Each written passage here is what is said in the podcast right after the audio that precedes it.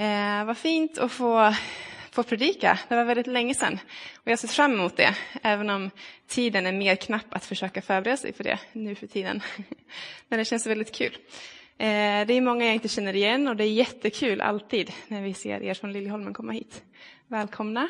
Kristin Zetterlund heter jag. Eh, jag vill dela några tankar med er som jag fick när jag eh, läste ur min bibelplan. Eh, och jag läser texten till att börja med ehm, från Lukas evangeliet. Eh, och jag sa till dig Lena att det var från 24.1, men jag börjar några verser innan, men det behöver du inte ordna, ni kan bara lyssna då och så kommer vi in på texten på väggen sen. Så jag börjar i kapitel 23, vers 55. Eh, och det handlar om kvinnorna och Petrus vid graven.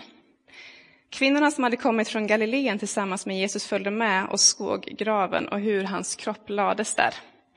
När de hade återvänt hem gjorde de i ordning välluktande oljor och kryddor. Och sabbaten den tillbringade de i lagens, enligt lagens bud i stillhet.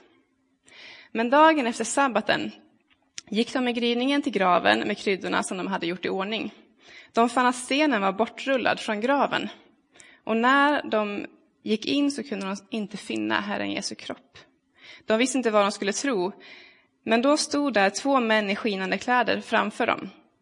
Kvinnorna blev förskräckta och sänkte blicken mot marken, men männen sa till dem, varför söker ni den levande här bland de döda? Han är inte här, han har uppstått. Kom ihåg vad han sa till er medan han ännu var i Galileen. Att Människosonen måste överlämnas i syndiga människors händer och korsfästas och uppstå på tredje dagen. Då kom de ihåg hans ord. Och när de hade återvänt från graven berättade de allt sammans för de elva och alla andra. Det var Maria från Magdala och Johanna och Maria, Jakobs mor.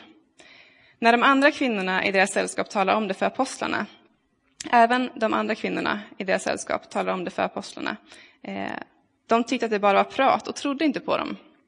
Men Petrus sprang genast bort till graven. När han lutade sig in såg han bara linnesvepningen ligga där och han gick därifrån full av undran över det som hade hänt. Samma dag var två lärjungar på väg till en by som ligger en mil från Jerusalem och som heter Emmaus. De talade med varandra om det som hade hänt. Medan de gick där och samtalade och diskuterade så kom Jesus själv och slog följe med dem.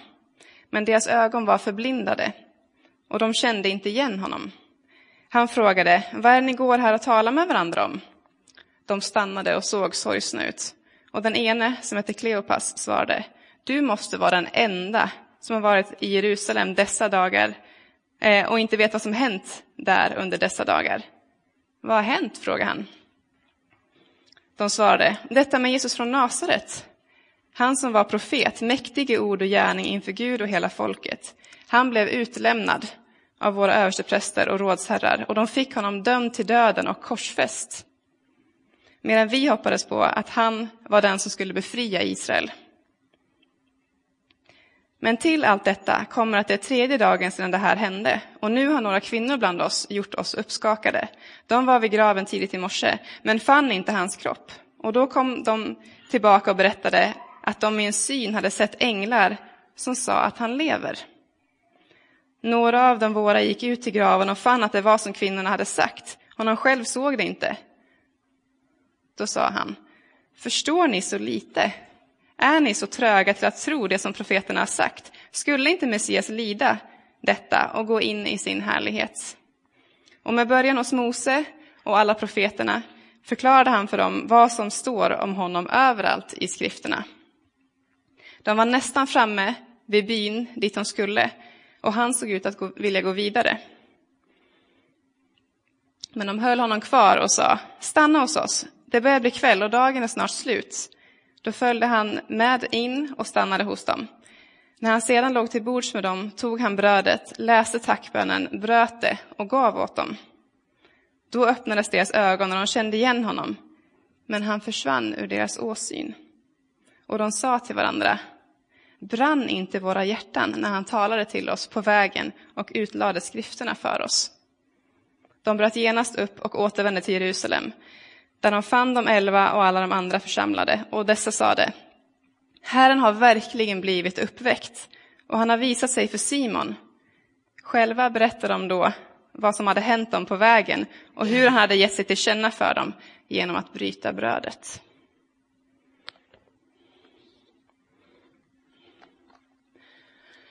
Som alltid när vi läser texter ur Bibeln eh, så fastnar vi för olika saker under tiden vi läser. Eh, och det är ju så Guds ord fungerar, tänker jag. Eh, det rymmer så mycket, det finns så mycket att hämta ur texten. Eh, och Guds ande leder oss när vi läser och Guds ande talar till oss under tiden vi läser. Eh, och hjälper oss också att relatera den text vi läser till den situation vi själva befinner oss i, där vi är i livet och hjälper oss att förstå Guds vilja i allt detta. Eh, och jag vill dela med er de tankar som jag fylldes av när jag läste den här texten i min bibelläsningsplan. Eh, den första tanken jag slogs av var att men undra om det är så att texten om Emmausvandrarna är kanske den av de texter i Bibeln som vi mest av allt kan identifiera oss med personerna i berättelsen. Vi behöver inte värdera det påståendet, men jag tänkte dela med mig om vad jag tänkte. Ehm, det här textstycket som jag också läste innan eh, Emmausvandrarna beskriver ju hur Jesus blev korsfäst, eh, hur han har begravts eh, och kvinnorna har varit vid graven för att de vill smörja hans kropp med olja. Men de möts ju av någonting som de inte alls är beredda på. Stenen är bortrullad och graven är tom. De finner inte kroppen. Och istället möts de av de här personerna med skinande kläder. Och männen förklarar att ja, men Jesus finns inte här, han är uppstånden. Och det är ju i enlighet med vad han har sagt. De blir påminda om det. Och kvinnorna rusar tillbaka, berättar för lärjungarna och de andra om vad som har hänt, men de möts av misstro. Emmausvandrarna, som får vara vårt fokus idag, eh, de har ju fått höra om allt det här som har skett, de har fått höra om vad kvinnorna har sagt. Eh, och nu är de på väg eh, på den här vandringen, en mil bort från Jerusalem mot Emmaus. Och de verkar vara helt upptagna av det här samtalet och försöka förstå, men vad är det som har hänt? Jag kan tänka mig hur de går tillbaka och funderar på hur var det när vi såg Jesus, när vi var med Jesus? Vad hände då? Vad har han sagt verkligen? Och är det här eh, någonting som ska hända, eller hur får vi ihop det här och hur hänger det ihop med vad kvinnorna... Jag kan tänka mig att de vänder och vrider på varenda sak för att försöka förstå vad det är som har hänt. Men de har svårt att få ihop hela bilden, det är tydligt.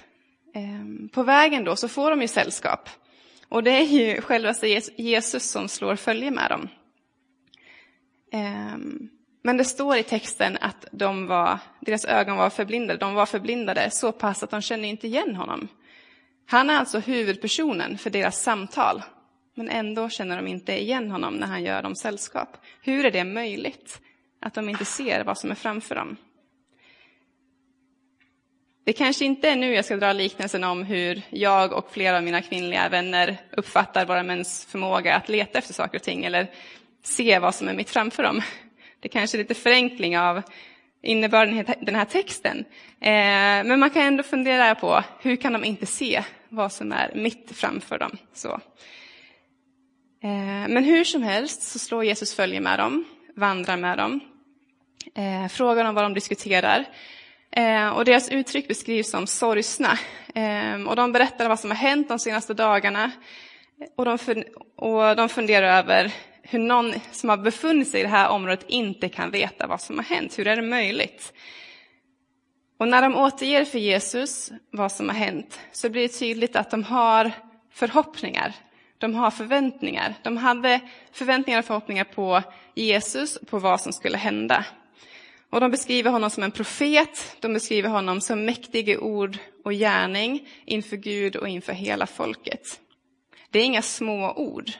Det är ju tydligt att de till stor del har förstått vem Jesus är. Och de har satt sitt hopp till honom. De ser honom som Israels befriare.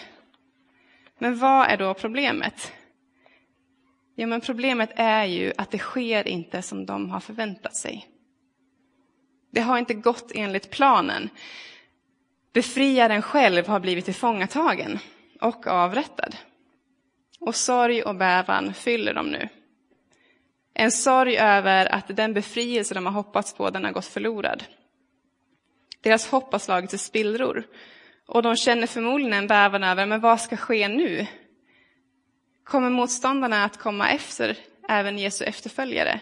Vi kan ju läsa i andra evangelietexter hur lärjungarna och andra hur de låste in sig bakom, stängde in sig bakom låsta dörrar för att gömma sig, för att inte de också skulle bli tillfångatagna. De var rädda och man kan tänka sig att även Emmausvandrarna bar på en bävan.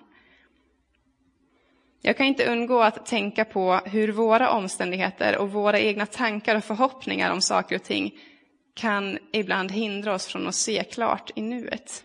Vi är så färgade av våra egna tankar att det är svårt att se en annan väg. Ni får fundera på om ni kan känna igen er i det också.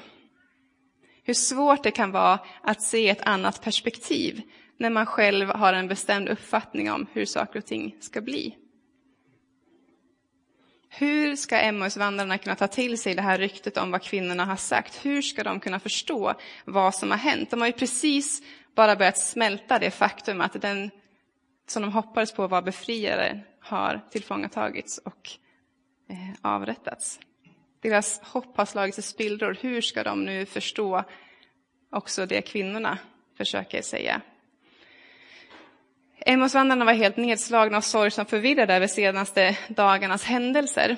Eh, de upplever sig ha gått miste om någonting och inte som att de har mist någon värdefull ägodel eller någon nära vän eller släkting, utan de har ju verkligen gått miste om det hoppet om frigörelse som de har burit på i flera år. De hade tydliga förhoppningar på vad Jesus skulle göra, men det tog sig en totalt överraskande vändning mot vad de har föreställt sig. De är nu tyngda och de förstår inte vad som sker. Och i allt detta så har de väldigt svårt att ta emot vad kvinnorna har berättat. De är förblindade och de har svårt att se Guds perspektiv, även om det blir förklarat för dem. Vi läser i texten om hur Jesus slår följe med dem och hur han börjar lägga ut allt för dem, från början, från Mose till idag. Och de lyssnar. Eh, det är uppenbart att de inte riktigt kan ehm, släppa taget om den här personen som talar med dem. De vill ha mer. De har inte riktigt förstått vad det är personen vill förklara för dem, men de vet att de vill ha mer och bjuder in honom att eh, äta tillsammans med dem. Jesus stannar hos dem. Förmodligen fortsätter han även där att lägga ut texterna och förklara. Eh, de delar en middag tillsammans och det är då som det sker, mitt i det vardagligt enkla. De äter tillsammans. Jesus bryter brödet, han läser tacksägelsebönen, han delar brödet med dem och då öppnas deras ögon. Då känner de igen honom. Då förstår de vem han är och vad det är han har försökt säga. Och då börjar de också reflektera. Brann inte våra hjärtan när vi gick där med honom och han utlade texterna? Det är tydligt att de så här i efterhand eh, då inser att ja, men våra, våra hjärtan brann när vi gick där med honom. De har inte märkt det i stunden när det skedde. Men genom det här nära och enkla, helt förlösande mötet med Jesus, då börjar de förstå. När han bryter brödet, då kan han få perspektiv eh, på, något. Ehm, och då förstår de att deras sinnen redan innan hade uppfattat någonting som intellektet inte riktigt kunde greppa. Och det här ögonöppnandet då, det ger dem en insikt om vem han är eh, och de inser att ja, men våra hjärtan brinner eh, i relation till det här. De hade slagit sig till ro för kvällen men de bryter direkt upp och de måste tillbaka till Jerusalem och tala med de andra församlade. Eh,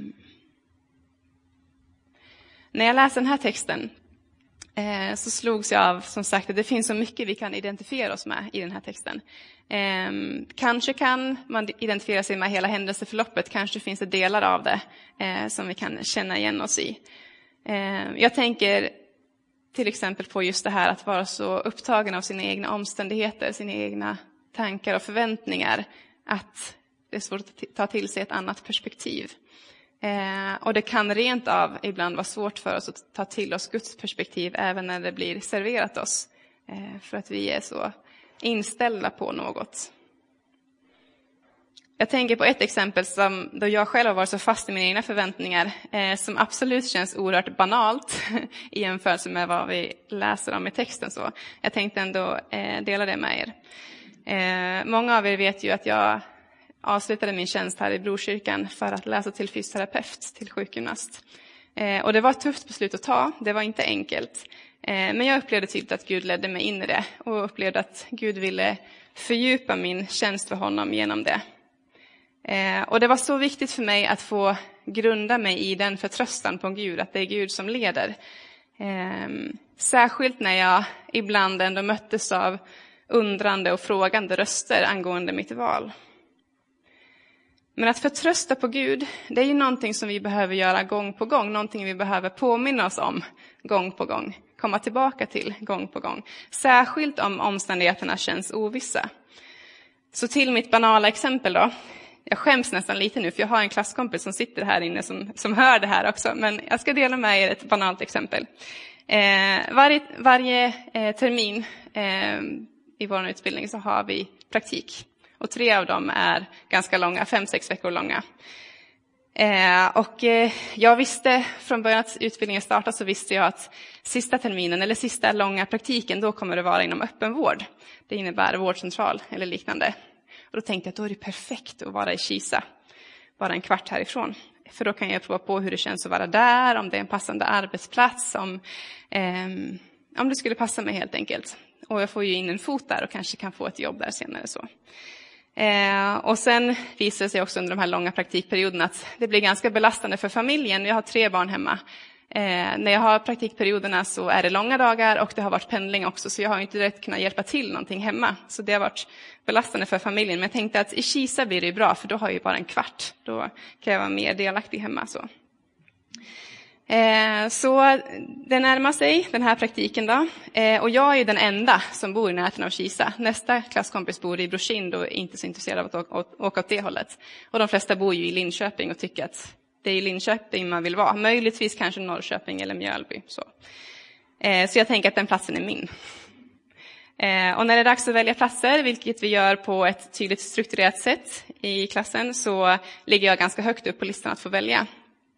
Ehm, och det börjar bli, närma sig min tur att få välja de här platserna. Man sitter, alltså det är ju en sån spänning de här kvällarna. Man sitter och ser vilka platser som blir valda på datorn. Sådär.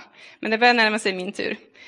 Eh, och så bara precis innan det är min tur att välja så är det någon som tar platsen i Kisa.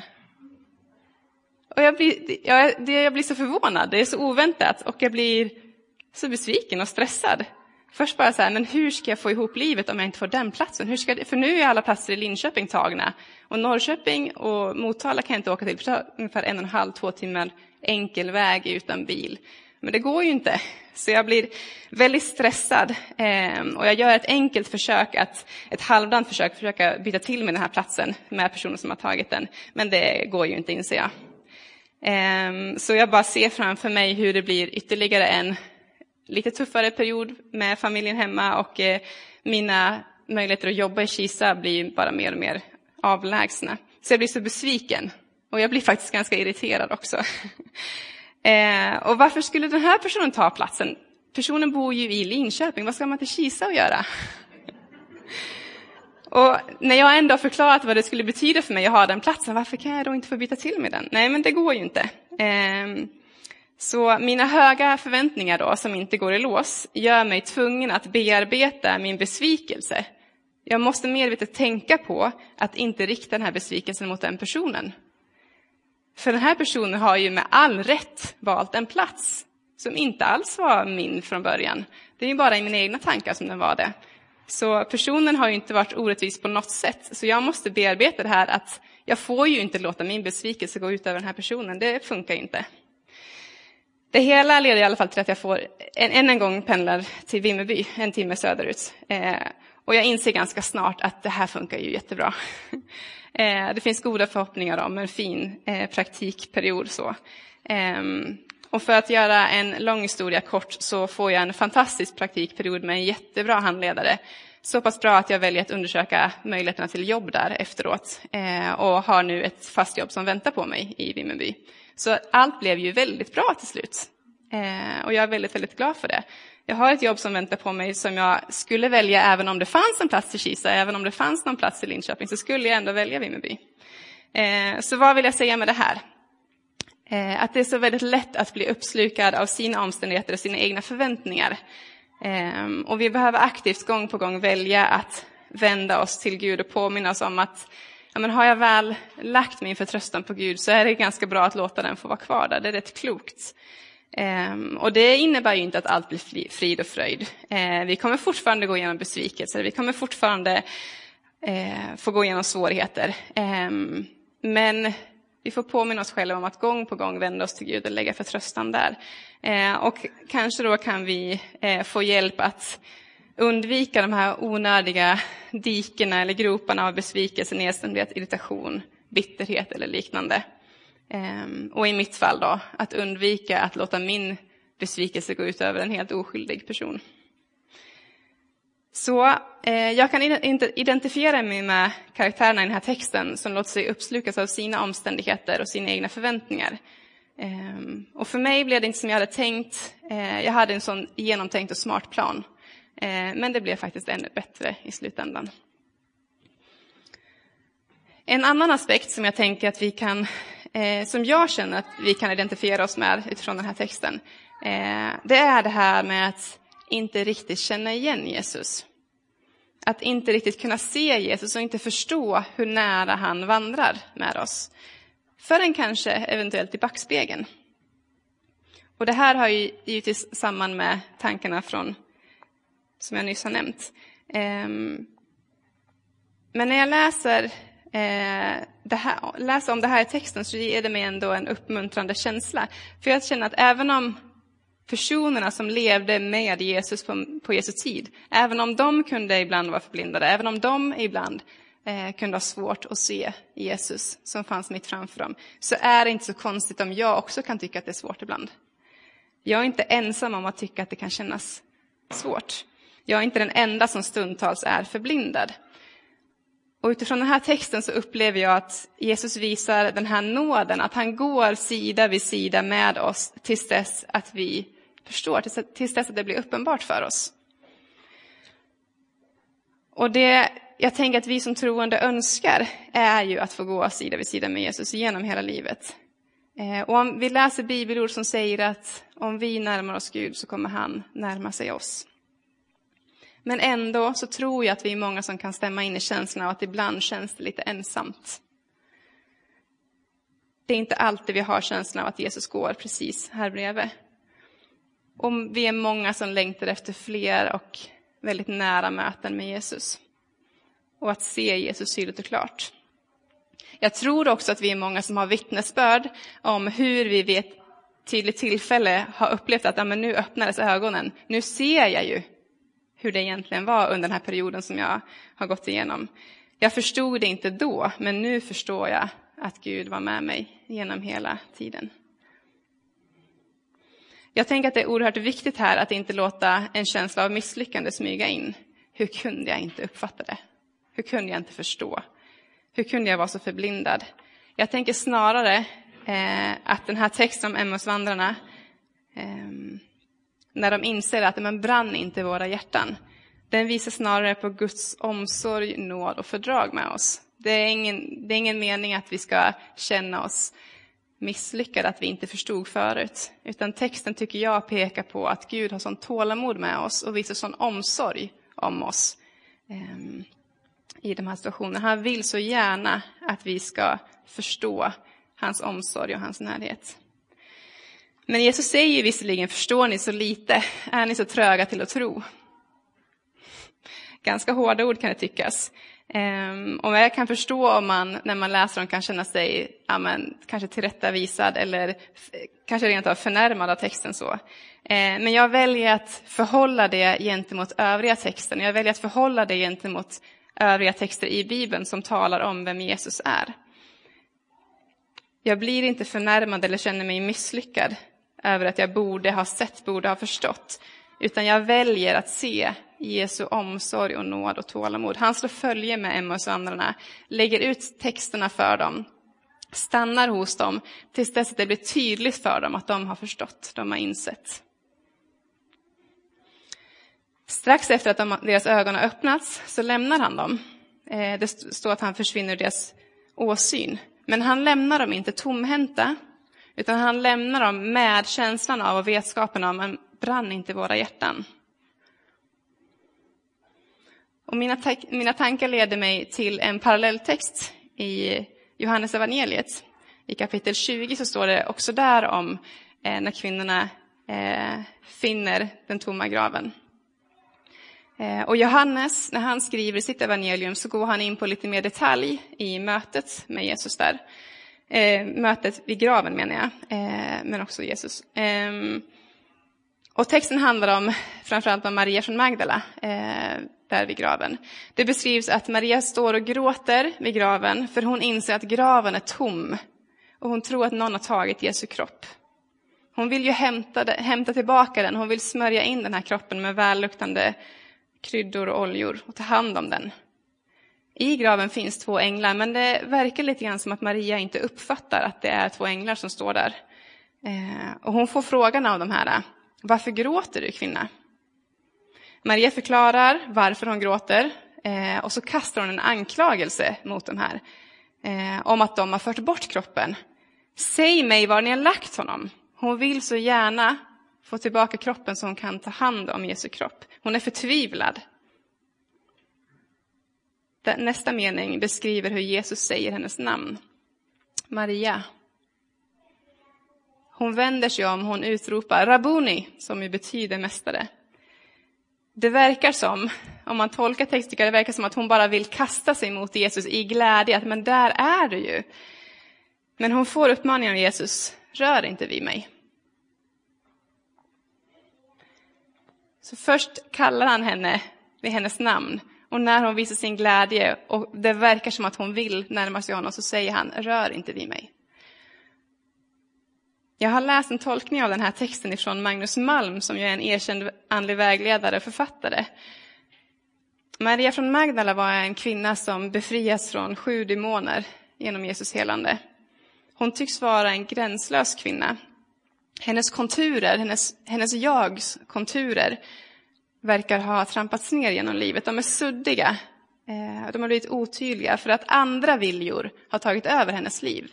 Det är inte hennes vilja som har varit det som har styrt hennes liv. Andra viljor har tagit över hennes liv. Jesus befriar henne från demonerna, men hon lever ju fortfarande med de här erfarenheterna. Och hon lever med, med den här eh, utmaningen att försöka eh, skapa sina egna konturer. Försöka hitta sin vilja och göra sina gränser tydliga så att inte andra människors viljor utgör ramen för hennes jag. Och i berättelsen om när Maria får möta Jesus vid graven ehm, så ges Maria två grundelement för vår identitet. Och det handlar om bekräftelse och motstånd. Det är i skärningspunkten mellan bekräftelse och motstånd som vi växer som människor och som vår identitet utvecklas. Jesus kallar först på henne, Maria, och i det blir hon bekräftad. Och hon förstår att Jesus har inte försvunnit ur hennes liv. Han kallar henne fortfarande till sig. Men därefter säger han, rör inte vid mig. Och det kan uppfattas som ett avvisande från Jesu håll gentemot Maria. Men det handlar om något helt annat.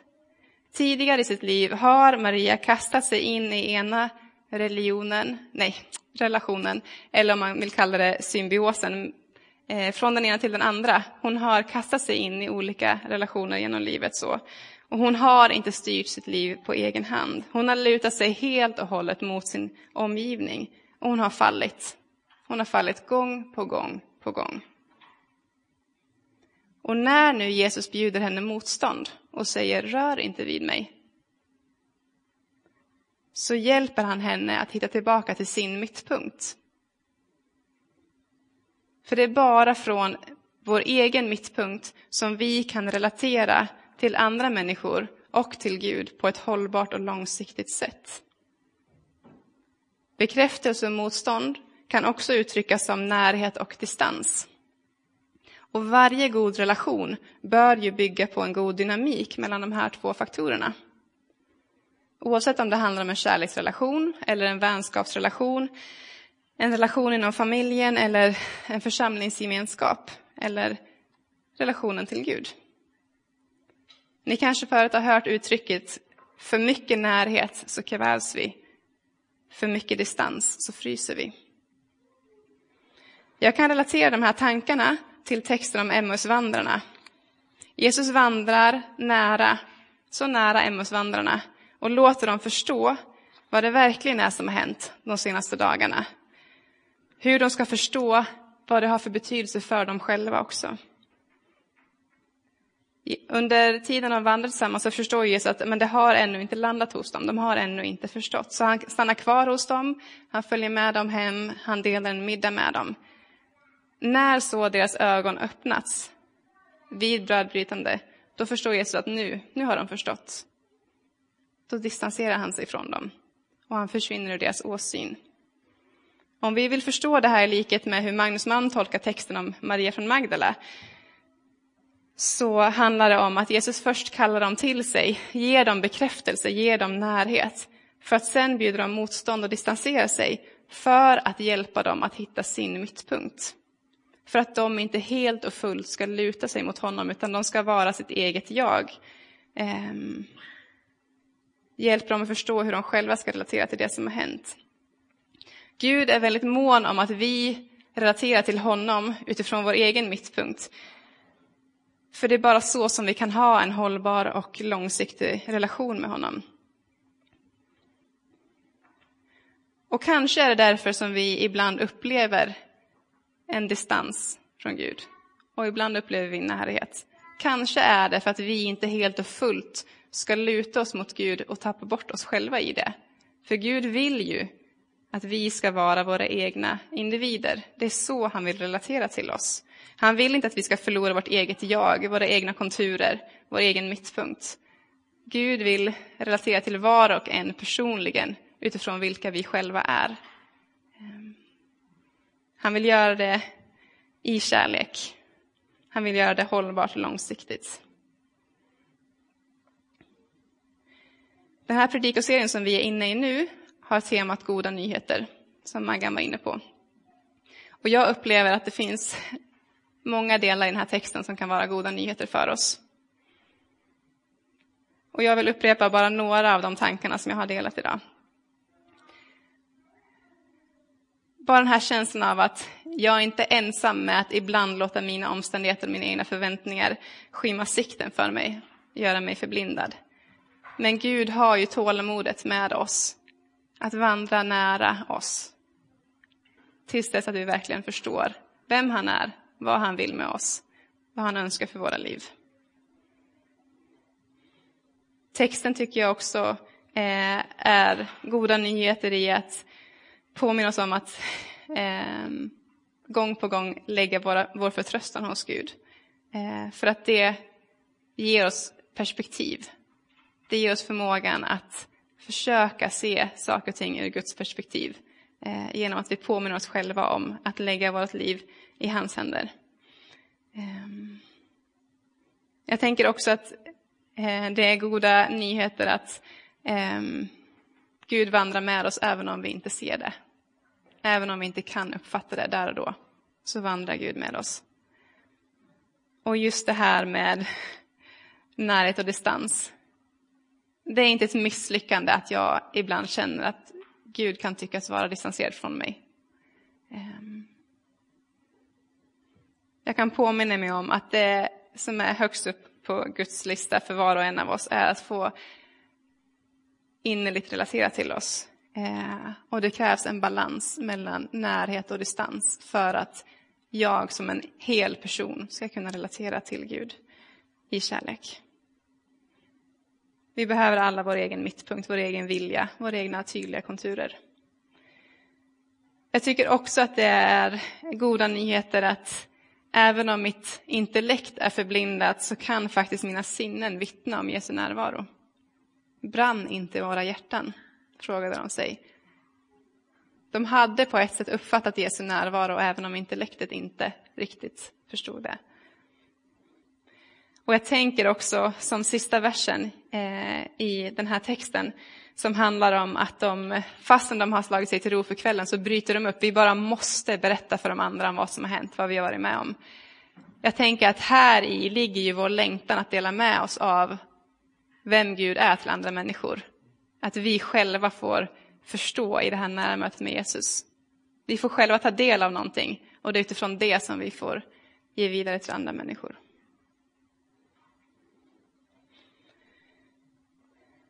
Vi ska be tillsammans. Eh, jag tänker att om det finns någonting i den här texten som slog an något i dig, eh, så samtala med Gud om det. Eh, det kan vi göra på egen hand själva, men vi kan också få göra det tillsammans i församlingens gemenskap. Med någon du känner dig trygg med, har förtroende för.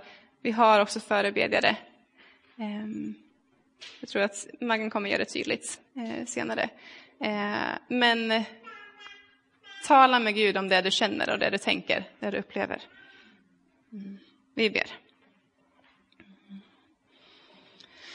Herre Jesus, tack för att det finns så otroligt mycket goda nyheter i ditt ord. Det finns så mycket gott för oss. Det enda du har är, är gott för oss, Herre. Eh, och tack för att ditt ord är så levande och verksamt att det kan tala till oss utifrån den situation vi befinner oss i själva för tillfället. Eh, tack heligande för att du är med och du leder och du visar eh, du förstår oss och du visar vad vi, vad vi behöver utifrån vart vi befinner oss. Mm. Herre, jag ber att du kommer med insikt, att du kommer med uppmuntran eh, utifrån den här texten idag till var och en av oss. Eh, kom heligande och gör ditt verk i våra liv här mitt ibland oss. Och Jesus, jag ber att vi som församling ska få vara det du önskar, att vi ska få stötta, uppmuntra, hjälpa varandra, Herre. Mm. Så att du får göra ditt verk här mitt ibland oss. Mm. Vi ber den enkla men otroligt kraftfulla bönen. Kom heligande.